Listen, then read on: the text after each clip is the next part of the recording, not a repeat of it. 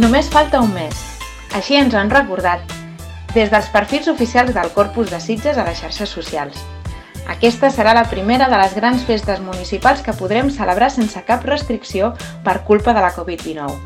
Sembla impossible, però tornarem a tenir les imatges dels carrers del centre de la vila i per on passa la processó del Santíssim Sagrament plens de flors, de catifes, els que molts anomenem un art efímer. Però no només això, tornarem a tenir Exposició Nacional de Clavells, el concurs de balcons i façanes i finestres, i la sortida de vigília dels gegants.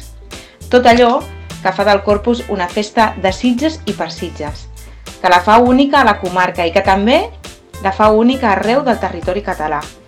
És per això que com a sitgetans i sitgetanes l'hem de posar en valor, l'hem de difondre amb orgull i l'hem de viure en col·lectivitat.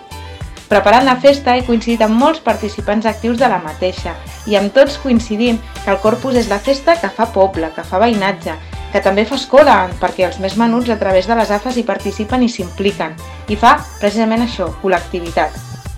El Corpus és una festa que dona vida, que la vivim, no tant amb la passió desfermada de la festa major o des de l'alegria desmesurada del Carnaval, però la vivim amb molta il·lusió, la gaudim amb els nostres i la recordem sempre. Per a molts és la festa més maca de l'any, pels colors, per les olors. Falta un mes, però ja hi ha ganes de Corpus. Ràdio Maricel, 107.8 FM.